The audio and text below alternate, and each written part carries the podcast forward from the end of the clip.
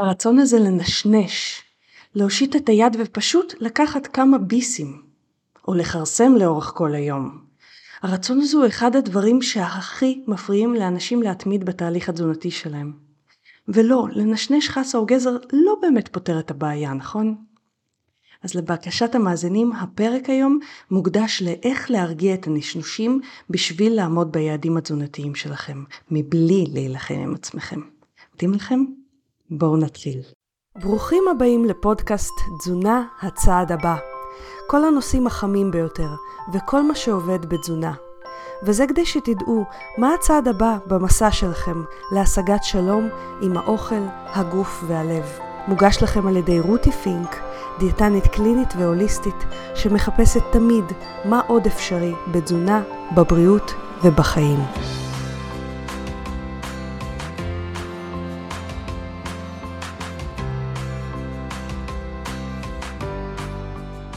היי חברים, רותי פינק כאן. רבים מכם ביקשו ממני לעשות פודקאסט שלם על נשנושים, כי רבים מכם מתמודדים עם נשנושים לאורך היום, חלק מכם במיוחד בערב, נכון?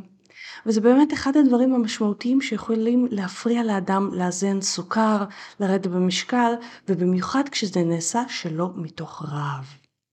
ואחד הדברים שאני הכי שנאתי כדיאטנית בתחילת דרכי להגיד לאנשים היה, אתם רוצים לנשנש, תאכלו ירקות.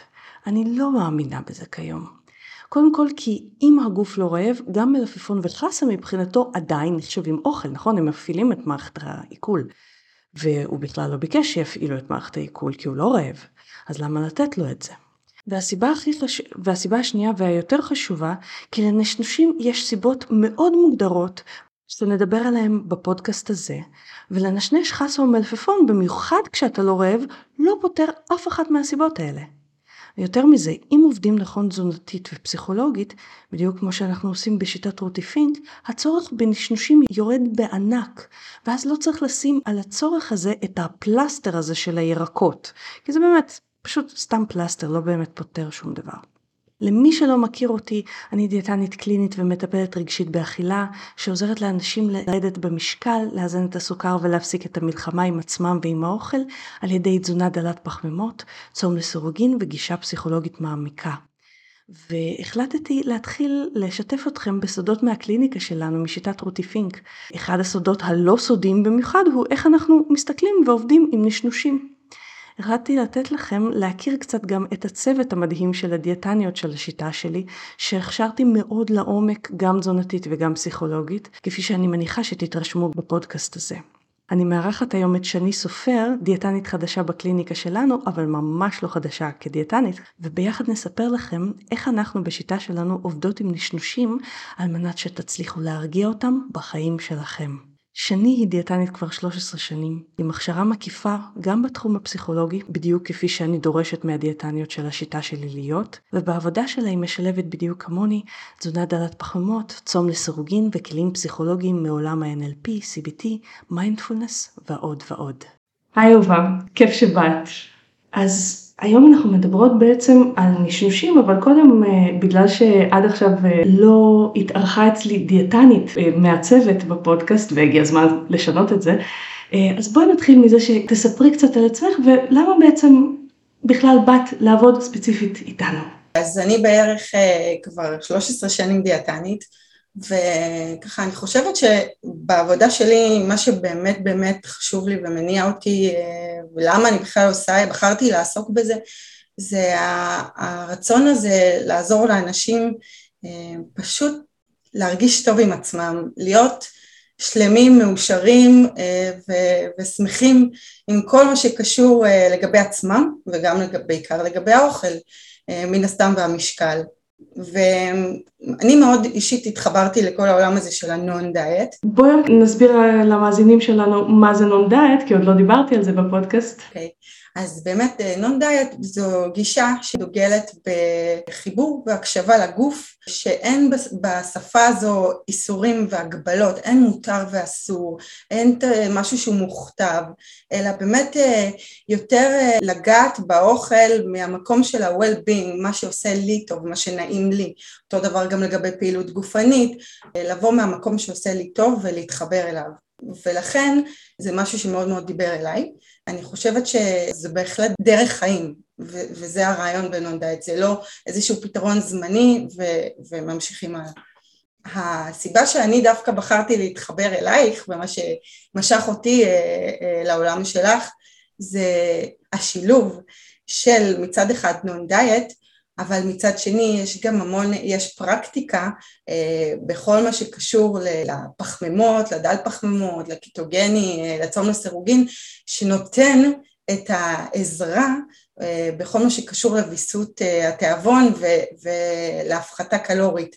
זה לא הפחתה קלורית יזומה או עם סבל או עם איזשהו קושי, לפחות בשלב שאחרי שמתרגלים, אבל באמת אה, זה עובד, זה עובד גם מניסיון אישי, כי גם אני בודקת את כל מה שאני אחר כך עוברת עם המטופלים שלי, אז, אז חשוב לי להבין איך זה עובד.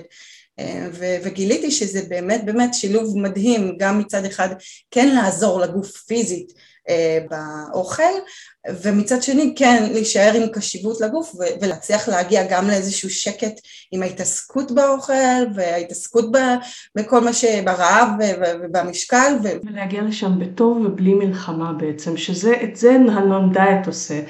ובעולם של תזונה דלת פחמימות וצום לסורגין יש המון המון מלחמה. אנחנו אומנם בתהליך קצת יותר איטי כי הוא לוקח זמן פסיכולוגית, אבל אנחנו מביאים את הבן אדם ללא מלחמה עם האוכל. גם אחרי התעלדות של הגוף וגם על ידי עבודה על הנפש, שבטח נדבר על זה קצת גם היום. אז בואי נדבר בעצם אה, למה אנשים מנשנשים, בואי נתחיל מזה. למה הם מנשנשים?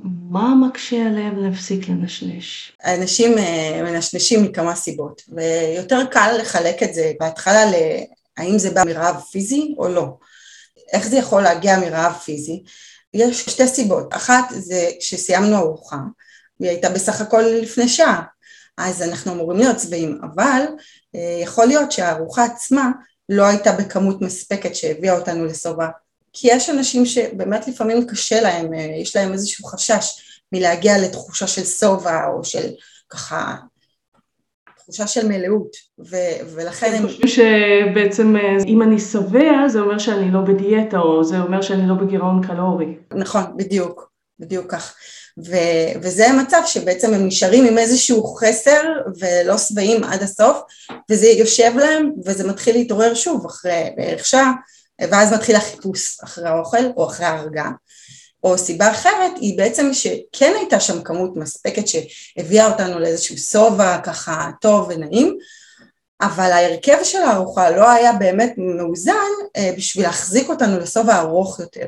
לדוגמה, אה, אם אנחנו אוכלים נגיד קערת סלט ענקית, גדולה, יכולה להיות באמת באמת מפוצצת עם כל הירקות הטובים, עם עגבניות ומלפפונים וחסה ולשבת לנו ככה כמו שצריך, אבל בגלל שהיא הכילה רק ירקות וסיבים זה לא מספיק להחזיק אותנו לאורך זמן ואם הייתה שם גם אולי, או היה שם טונה או איזושהי גבינה או ביצה או חלבון אה, ואפילו כמה אגוזים, אה, ככה שומן להחזיק, אה, משהו שיתרום לסובה קצת יותר ארוך אז באמת לא מגיע הצורך הרעב הפיזי הזה אחרי שעה. אז זה בעצם החלק הפיזי של הנשנושים. זה החלק שלגמרי נפתר בדרך כלל על ידי אוכל, מאוד מאוד חשוב להגיד, נטו התערבות תזונתית. עכשיו תמיד אנשים כשהם חושבים דיאטנית, ואנחנו לא דיאטניות קלאסיות, תמיד חושבים דיאטנית אז חושבים תגידי לי מה לאכול. אבל הנה מגיע מה שאת בטח הולכת לדבר עליו, החלק שהוא לא רק אוכל. בדיוק, יש את החלק השני ש... שהוא היותר רגשי. לפני הרגשי יש גם כמה אוטומטים אה, שיכולים לגרום לנו לאכול בלי לשים לב, ואפשר לעבוד עליהם. זה... והם לא איזה רגשיים גדולים. נכון, זה לדוגמה כל העניין הזה של אכילה בהיסח הדעת. אה, הרבה פעמים אנחנו, תוך כדי אפילו החימום במיקרו, לוקחים לנו איזה שניצל או טעימה ככה אה, וקוראים הודעות בטלפון, או אוכלים תוך כדי קריאת הודעות בטלפון, או תוך כדי שיחה, או מול הטלוויזיה, וזה בעצם מצב שהוא מפריד בין התודעה שלנו, בין המוח שמבין שעכשיו אני יושב ואוכל, לבין באמת אה, המצב הנוכחי, ואז כשאין את ההפרדה הזאת, אין את בעצם הידיעה שאני אוכל, אז יש אכילה של כמויות שהן לא באמת בשליטה, אנחנו לא שמים לב עד שמגיע הסובה כמה אכלנו וממה אכלנו בכלל. ולכן אה, זה גם אה, סוג של נשנוש של אוטומטים. עוד אוטומטים שקיימים זה הסביבה שלנו ואוכל שנמצא לנו מול העיניים, על השיש, על השולחן, במטבח, בעבודה, כל מיני צנצנות של עוגיות ונשנושים, כשאני הולכת לעשות קפה זה בדיוק נמצא שם מול העיניים וכבר באוטומט לוקחים וזה בא ביחד, אז זה גם ככה דברים שיכולים לגרום לנו לנשנושים. וזה באמת דברים שלגמרי ניתן לעבוד עליהם, כלומר אם אנחנו מכניסים, איך אנחנו חותכים אוטומט? הדבר הראשון, אנחנו על ידי כל מיני טכניקות נורא פשוטות מכניסים מודעות שם, ואז כשאתה מודע אתה כבר אוטומטית מתחיל לשבור את האוטומט. עכשיו לפעמים צריך, כן, צריך אה, בשביל לשבור אוטומט גם להפעיל איזשהו זמנית כוח רצון, אבל זה זמנית, אבל ברגע שאתה מודע ואתה לא בהיסח דעת, אתה כבר התחלת את התהליך של שבירת האוטומטים. בדיוק, בדיוק, ועוד אה, חלק שבאמת אה, נכנס פה, שהוא כבר קצת רובד יותר עמוק, זה עניין של אה, מחשבות ורגשות. לדוגמה, יש מחשבות שעולות לנו פתאום, מחשבות של לחץ, מחשבות של דאגה, פתאום וואו כמה פרויקטים יש לי עוד להכין, עוד לא בישלתי, עוד לא עשיתי את זה, עוד לא עשיתי, ואז מתחיל הלחץ הפנימי הזה שמחפש איזושהי הרגעה וההרגעה בדרך כלל היא מגיעה דרך האוכל, כי האוכל עוזר לנו להעסיק את כל מערכת העיכול, את הדם מוזרם למערכת העיכול ולעיכול של האוכל. זה אלו גם אוטומטים שאנחנו לא תמיד מודעים להם. דרך אגב, עוד דבר שיכול להיות מושפע מהמחשבות האלה, זה קצב האכילה.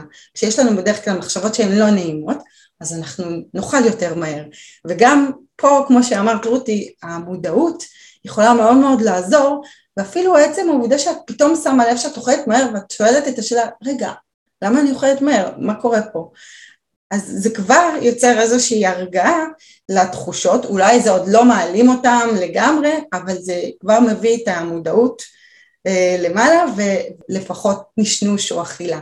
אה, זה יכול לעשות. מאוד הציטוט אה, של אה, ויקטור אה, פרנקל, הוא אומר בין הגירוי לתגובה קיים מרווח ושם נמצא הכוח שלך, החופש והיכולת לבחור. כי כאילו, ברגע שהגירוי גורם לתגובה בלי שאנחנו מודעים, אז, אז אין לנו מה לעשות, זה כאילו נגעת נסעת. אבל ברגע שאנחנו מודעים, יש לנו את האפשרות, את כל הדברים שאנחנו יודעים שאנחנו צריכים לעשות, אפשרות להתחיל להכניס שם בכלל. מהמם, נכון מאוד. ובאמת, בנוסף, יש גם את החלק היותר עמוק, אוקיי? שבאמת זה כבר רגשות אה, יותר קשים, אה, אולי איזושהי מועקה מאוד מאוד כבדה, עצבות. אה. שחשוב להגיד שהם הרבה פעמים לא מודעים, כי אם היינו מודעים אליהם, אוקיי, אני עצוב, אז אני הולך לאכול, זה כבר הרבה יותר קל לעצור שם, רגע, אבל מה עוד אני יכולה לעשות אה, כדי לנחם את עצמי, מאשר כשזה לא מודע, ואנשים לא יודעים כמה רגשות ומחשבות לא מודעים יש להם.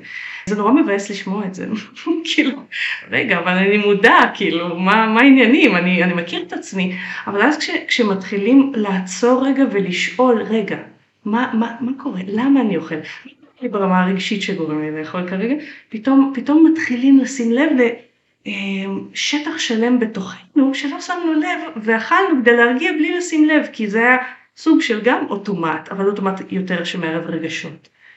בדיוק ככה, כן בהחלט. אלו בעצם ככה סיבות uh, שיוצרות את ההתעסקות באוכל ועם המון המון uh, רגשות אשמה, המון uh, תסכול. כי אולי באוטומט באותו רגע אין את זה, זה לא שם, אנחנו פשוט פונים לאוכל בשביל ההרגעה, אבל ממש כמה דקות אחרי. שמים לב בדיעבד. בדיוק, אז מגיעה ההבנה הזאת של אוי, למה עשיתי את זה, לא הייתי צריכה לאכול את זה, אני כל היום רק דוחפת אוכל ומנשנשת ומכניסה. אה, אני לא יכולה להפסיק? בדיוק, אין לי שליטה עצמית, אין לי כוח רצון, וכל ה... כל רגשות האשם האלה שבעצם אנחנו יודעות טוב מאוד שבסופו של דבר המידע הקטנה הזו, או הצורך הזה של לאכול, זה לא באמת מה שגורם לעלייה במשקל, ומה שבאמת גורם לעלייה במשקל זה רגשות האשמה, שהם יוצרים איזשהו כדור שלג שהולך וגדל, ו- ובסוף מביא ל... אוקיי, הרסתי, אז אני כבר... הכל או כלום, הרסתי אז עד הסוף. וגם אז אנחנו גם אה, ממשיכים הלאה את כדור השלג, טוב אז זה לא עובד, ואני גם לעולם לא אצליח. אז אם כבר זה לא עובד ולעולם לא אצליח, אז אני כבר אזנוח את הכל, למרות שנגיד הצלחתי באיזשהו, ואני uh, כבר, זהו. בדיוק, הרבה יותר קל ליפול למטה uh, מהמחשבות האלה ומהרגעים האלה, בהחלט. אוקיי, okay, אז נגיד זיהינו את הרגש, ואפילו זיהינו שאנחנו מנסות לברוח ממנו. אז מה אני עושה שני? זה מה שאני מניחה הרבה מהמאזינים כרגע, ישאלו את עצמם, אוקיי, סבבה, זיהיתי, סבבה שני. אני, אני אפילו שמה לב שאני רוצה לברוח ממנו, ברור שאני רוצה לברוח לאוכל, זה, זה כאילו זה מה שעוזר לי. מה אני עושה? איך אני מפסיקה את זה? אז אני מאוד אוהבת uh, לחבר את המטופלים לכלי שעוזר להם להיות הרבה יותר uh, מכילים, אמפתיים כלפי עצמם, פחות שיפוטיים וביקורתיים, ועל ידי כך לקבל את המקום הזה שקשה להם, קודם כל, אה, ולתת לעצמם את האפשרות להכיל את הרגש הזה, ושיהיה שם, וגם להבין שבסוף הוא יעבור, אם הם ייתנו לו את המקום, אם הם יהיו מספיק אמפתיים, מספיק קשובים, מספיק סבלנים, זה גם יעבור, כי זה כמו שדיברת בעבר והסברת, יש את הנושא הזה של, של הגל, שהרגש הוא כמו גל, והוא יגיע לאיזשהו שיא מסוים, אבל הוא גם יתחיל לרדת, אם אנחנו ניתן לו את המקום ונתייחס אליו. אנחנו פשוט לא נותנים לו את המקום, אנחנו בורחים לאכילה, ואז אנחנו לא מתאמנים על היכולת להכיל את הגל הזה, וככל שאנחנו לא מתאמנים הוא גדל. ככל שאנחנו דווקא מתאמנים, הגלים נעשים פחות חזקים, זה בדיוק הוויסות הרגשי שאנחנו עובדות בדיוק, ו- וככל שנהיה יותר אמפתיים כלפי עצמנו, אז תהיה לנו יותר אפשרות אה, להכיל את הרגש ואת אה, הגלים האלו. אחד הדברים שמחזקים אותם זה השיפוט, וככל שהרגש חזק יותר, נרצה בהתחלה במיוחד לברוח ממנו לאוכל. בדיוק.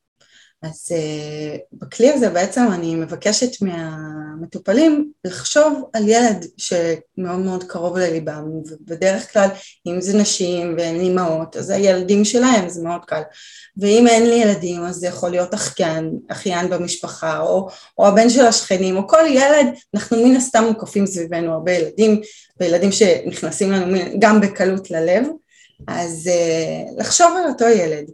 ולדמיין אותו, ככה שאכלתם ארוחה ביחד, והוא סיים את הארוחה, אכל יפה מהצלחת, ואחרי בערך אה, חצי שעה או שעה שאתם איתו, פתאום אתם רואות אותו, או רואים אותו, מתחיל להיות חסר מנוחה.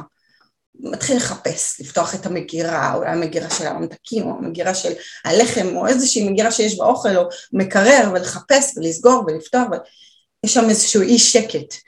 ואני שואלת אותם, מה זה גורם לכם להרגיש? וככה, ישר בדרך כלל היצר האימהי שלנו יוצא החוצה כלפי אותו ילד אה, קטן חסר ישע ומסכן שעובר עליו משהו. ואני שואלת, מה, מה אתן עושות? מה אתן עושות עם ה, עושים עם הילד הזה? והרבה פעמים אני מקבלת את התשובה של אה, אני ניגשת אליו או ניגש אליו ושואלים אותו מה קרה, הכל בסדר, לפעמים הוא, הוא לא יענה, ואז, ואם הוא לא עונה אז מה?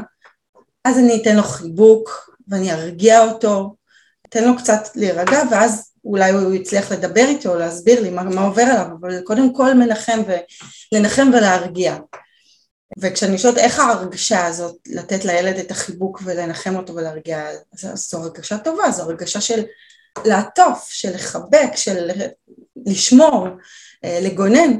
ושל ביטחון. ואז אני אומרת, אוקיי, ו- וזה מאוד נוח ואוטומטי יוצא מאיתנו, זאת אומרת, להגיב ככה כלפי ילד.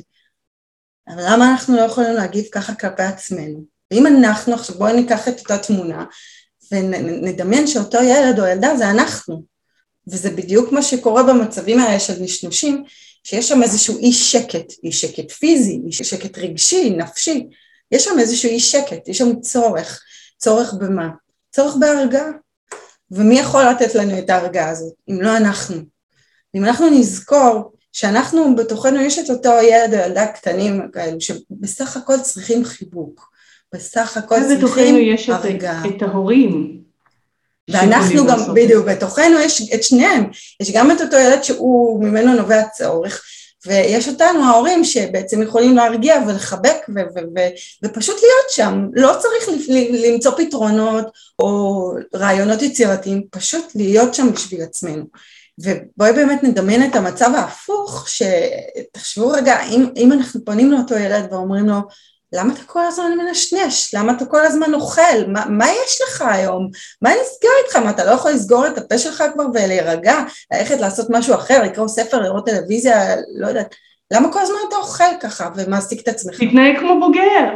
בדיוק. אין לך כוח רצון? אמ, וזה בדיוק מה שהילד לא צריך. כי הוא ירגיש ש... אה, שופטים אותו, שמבקרים אותו, שאין לו את ההרגעה ואת הביטחון שהוא באמת באמת זקוק להם. כי כשאנחנו נותנים את הביטחון וההרגעה, זה פשוט נעלם. הוא יכול לקבל את החיבוק ואת ה, את החום שלנו ואת ההרגעה, וזהו, ואז להמשיך לעשות את כל מה שהוא רצה לעשות, או לפחות לדבר על זה ולספר מה עובר עליו, להוציא את זה, זה גם אפשרות. אבל uh, ה, ה, היכולת הזאת תבוא רק עם אמפתיה, ועם המון המון אה, סובלנות כלפי הילד וכלפי עצמנו, כלפי הילד הפנימי שלנו. אז הרעיון הוא באמת לזכור, תמיד לזכור את אותו ילד קטן, כשאנחנו מסתכלים על עצמנו, לצאת מהסיטואציה, להסתכל עליה מלמעלה כאדם הבוגר רגע, כאימא או האבא או המבוגר האחראי, ופשוט לראות את הילד הקטן שהוא, שיש איזה צורך, שמשהו מציק לו, שהוא צריך איזושהי הרגעה, ואז לספק את אותה הרגעה אה, לעצמנו ושם באמת, כמו שאמרת רותי, יש את האפשרות בכלל להכיל את הרגש הזה ולהוריד את העוצמה של הגל ו- ולתת לו לעבור. זה בדיוק מה שאנחנו עושים בשיטה שלי, האימון ביחד עם האנשים, במקום ללכת לאוכל כשיש גלי רגש, בהתחלה אנחנו בכלל מודעים לגלי הרגש האלה שהם באים בכלל, ואנחנו אוכלים לא סתם בדרך כלל, אלא כי יש שם משהו. אבל אנחנו, אנחנו בדיוק מאמנים את האנשים ומחזיקים להם מה שנקרא את היד כשהם עוברים את גלי הרגש האלה, באמת טכניקות מאוד מאוד פשוטות, שפשוט צריך לעשות אותן כמה פעמים ואנחנו מלווים בזה, ואז הבן אדם מבין שיש לו הרבה יותר כוח להכיל רגש מאשר הוא חשב בהתחלה, הוא היה בורח לרגש והוא מגלה שיש בתוכו, תמיד היו בתוכו הכוחות, פשוט הוא אף פעם לא נתן על זה את הדעת כי אוטומטים ניהלו אותו. נכון, נכון, ו- ומאוד מאוד חשוב לציין גם שהאינטונציה שה- צריכה להיות, השיח צריך להיות יותר מאוד מאוד אמפתי, כי אנחנו יכולים לדבר על עצמנו בראש, אבל זה יכול להיות, אה, כן, קשה לך, אתה צריך הרגעה, נכון, אני, אני מבינה, אני צריכה הרגעה עכשיו. או, מה קרה לי? למה אני רעבה עכשיו? למה אני מנשנשת? באמת, מה, מה קורה פה? אולי אני באמת רעבה ולא סיימתי רעבה? אה, לא סיימתי שבעה? אולי... בואו נראה מה הייתה הארוחה האחרונה. אה, רגע, אכלתי בסדר, אז מה, מה בכל זאת מציק לי? כל השיח, כשהוא יותר רך ונעים, גם כלפי עצמנו, גם בראש אפילו, בלי שאף אחד שומע, זה מאוד מאוד, יש לזה כוח ומאוד משמעותי, מאשר ככה אה, שיח נוקשה וביקורתי. באופן כללי המחקרים מראים שהתערבויות שבהם מלמדים אנשים, וזה חלק ממה שאנחנו מלמדים בשיטה, חמלה עצמית, הם במחקרים האלה האנשים מרזים יותר מאשר באותה תוכנית, רק שלא לימדו אותם חמלה עצמית. כי יש משהו בחמלה עצמית שכשלעצמו מוריד מתח, מוריד סטרס, מוריד את המלחמה הזאת, מוציא אותנו בכלל משטח המלחמה לשטח של הבנה והכלה של חלקים שכואבים, אבל בלי להתמוטט מהם. זה בדיוק הוויסות הרגשי הזה. וזה למה זה עוזר בתכלס לשפר בריאות ולרזות יותר מאשר אה, כשאנחנו שופטים את עצמנו. נכון מאוד, בדיוק. קודם כל, אה, תודה על זה ששיתפת איתנו ועם המאזינים את הכלי המהמם הזה, אני מתה עליו. בכלל, אנחנו עושים הרבה עבודה בשיטה שלנו עם הקולות הפנימיים בתוכנו. ואני רוצה שתספרי למאזינים שאולי ככה ירצו להגיע אלייך, במה את במיוחד מתמחה, באיזה מצבים? כל מי שמעוניין לעשות איזשהו שינוי שיגרום לו להרגיש פחות התעסקות עם האוכל והרבה יותר רוגע, הרבה יותר שקט בראש ובגוף, ובאמת להפוך את זה לאורח חיים אבל לא למשהו שהוא באמת פתרון זמני, תרופת קסם, זה לא עובד ככה, אלא שבאמת מבין שיש פה עבודה, נכון? בהתחלה יש התעסקות אפילו, כי, כי יש איזושהי למידה, אבל זו עבודה שהיא גם עבודה פנימית. זה נכון שאנחנו מתעסקות באוכל ואנחנו יודעות אה, לעזור או לכוון מבחינת הרכיבים והכמויות וכל הצרכים בהתאמה וממש אה, לתפור את החליפה לבן אדם, אבל באמת שיש גם את המעבר, אה, שיש את האנשים שקשה להם להבין אפילו את הרגשות שמתחוללים בתוכם, את המחשבות, מה שאנחנו עושות, אני עושה, זה באמת לעזור לאותם אנשים קודם כל לזהות את הרגשות שמופיעים להם, את המחשבות האלו ש, שגורמות לרגשות ולתת להם את הכלים האלו לחיים, להמשך, איך להתמודד עם זה, איך להפוך את זה כבר לחלק מאיתנו ש, שאפילו זה כבר לא במודע, זה באוטומט, אנחנו יודעים להתנהל בכל מצב, בכל סיטואציה אה, בחיים שלנו ויש לנו חיים לא, לא קלים, לאף אחד זה לא קל, תמיד יש עליות ותמיד יש ירידות ותמיד תקופות קשות ומאתגרות ו, והרעיון הוא לדעת לצלוח את כל החיים האלו בלי מלחמות ובלי uh, סבל ו, ולא ממקום של מותר ואסור ולא ממקום של שיפוטיות וביקורת. ועדיין להשיג את ההישגים שלנו, שאנחנו מחפשים. ועדיין להשיג את ההישגים, בדיוק, בדיוק. אז באמת מי שמוכן לעשות איזושהי עבודה בשביל עצמו זה השקעה. זה סוג של השקעה, את נכנסת לאיזושהי השקעה בעצמך, ממקום שאת רוצה להיטיב עם עצמך, לעשות לעצמך טוב, אז, אז אנחנו הכתובת, בהחלט אנחנו הכתובת אה, לאותם אנשים, אה, ולא לאנשים שמחפשים פתרון זמני וקסם של אה, בתוך אה, חודש פתאום לעשות שינוי ולחזור לחיים הקודמים. זה מזכיר לי, אה, הרבה פעמים אנשים שככה שומעים את הצורה שבה אנחנו עובדות, הם אומרים, אז למה שאני אלך אליכם? אני פשוט אלך כבר לפסיכולוג וזהו. ואני כזה. אני סופר מכבדת פסיכולוגים, make no mistake. בפסיכולוגיה ההסתכלות היא מאוד מאוד רחבה. מסתכלים על כל החלקים של הנפש. והמנדט שלנו בעצם זה החלק של ההתנהגות, כן? של האוכל. כלומר, גם החלק של מה אבל גם כל ההתנהגות, החשיבה והרגשות שמנהלים לנו את האוכל, בזמן שפסיכולוגיה יעשה את זה הרבה יותר רחב. אז בזמן שאני כן מחזקת אתכם, אם אתם מרגישים איזשהו קושי נפשי כן ללכת לפסיכולוג בלי שום קשר, רוב הפסיכולוגים לא יעסקו כל כך ממוקד באכילה, כמו שאנחנו משלבות את זה בטיפול שלנו באמת. ממש מדויק ונכון, כן. תודה על האחידות. אז uh, תודה רבה שהתארחת אצלנו. וכל מי שככה מרגיש שהוא מתחבר לשני ורוצה להתחיל איתה את התהליך, מוזמנים לפנות אלינו, אני משאירה את הלינק בתחתית הפודקאסט, ולכתוב, אני מעוניין להיפגש עם שני. תודה רותי, בכיף. אז אני מקווה שנהניתם מהפודקאסט היום. אם אתם רוצים להיעזר בנו, אתם מוזמנים לאתר שלנו, rutifink.com. ואם תרצו לעקוב אחרינו, להיות בקשר או לשאול שאלות, בנוסף לאתר יש המון מידע בערוצים שלנו, מידע על אכילה רגשית, תזונה דלת פחמימות וצום לסירוגין. פשוט תחפשו בגוגל בעברית רותי פינק ותגיעו לפייסבוק, לאינסטגרם וליוטיוב, ואנחנו ניפגש בפרק הבא. תודה שהקשבתם לפודקאסט תזונה הצעד הבא. אני מקווה שנהניתם. חשוב להדגיש שהמידע בפודקאסט מוענק לצורכי העשרה בלבד, והפודקאסט לא מהווה בשום צורה תחליף לייעוץ או טיפול אישי. בכל בעיה רפואית או נפשית יש לפנות למטפל מוסמך. ואנחנו ניפגש בעוד שבועיים.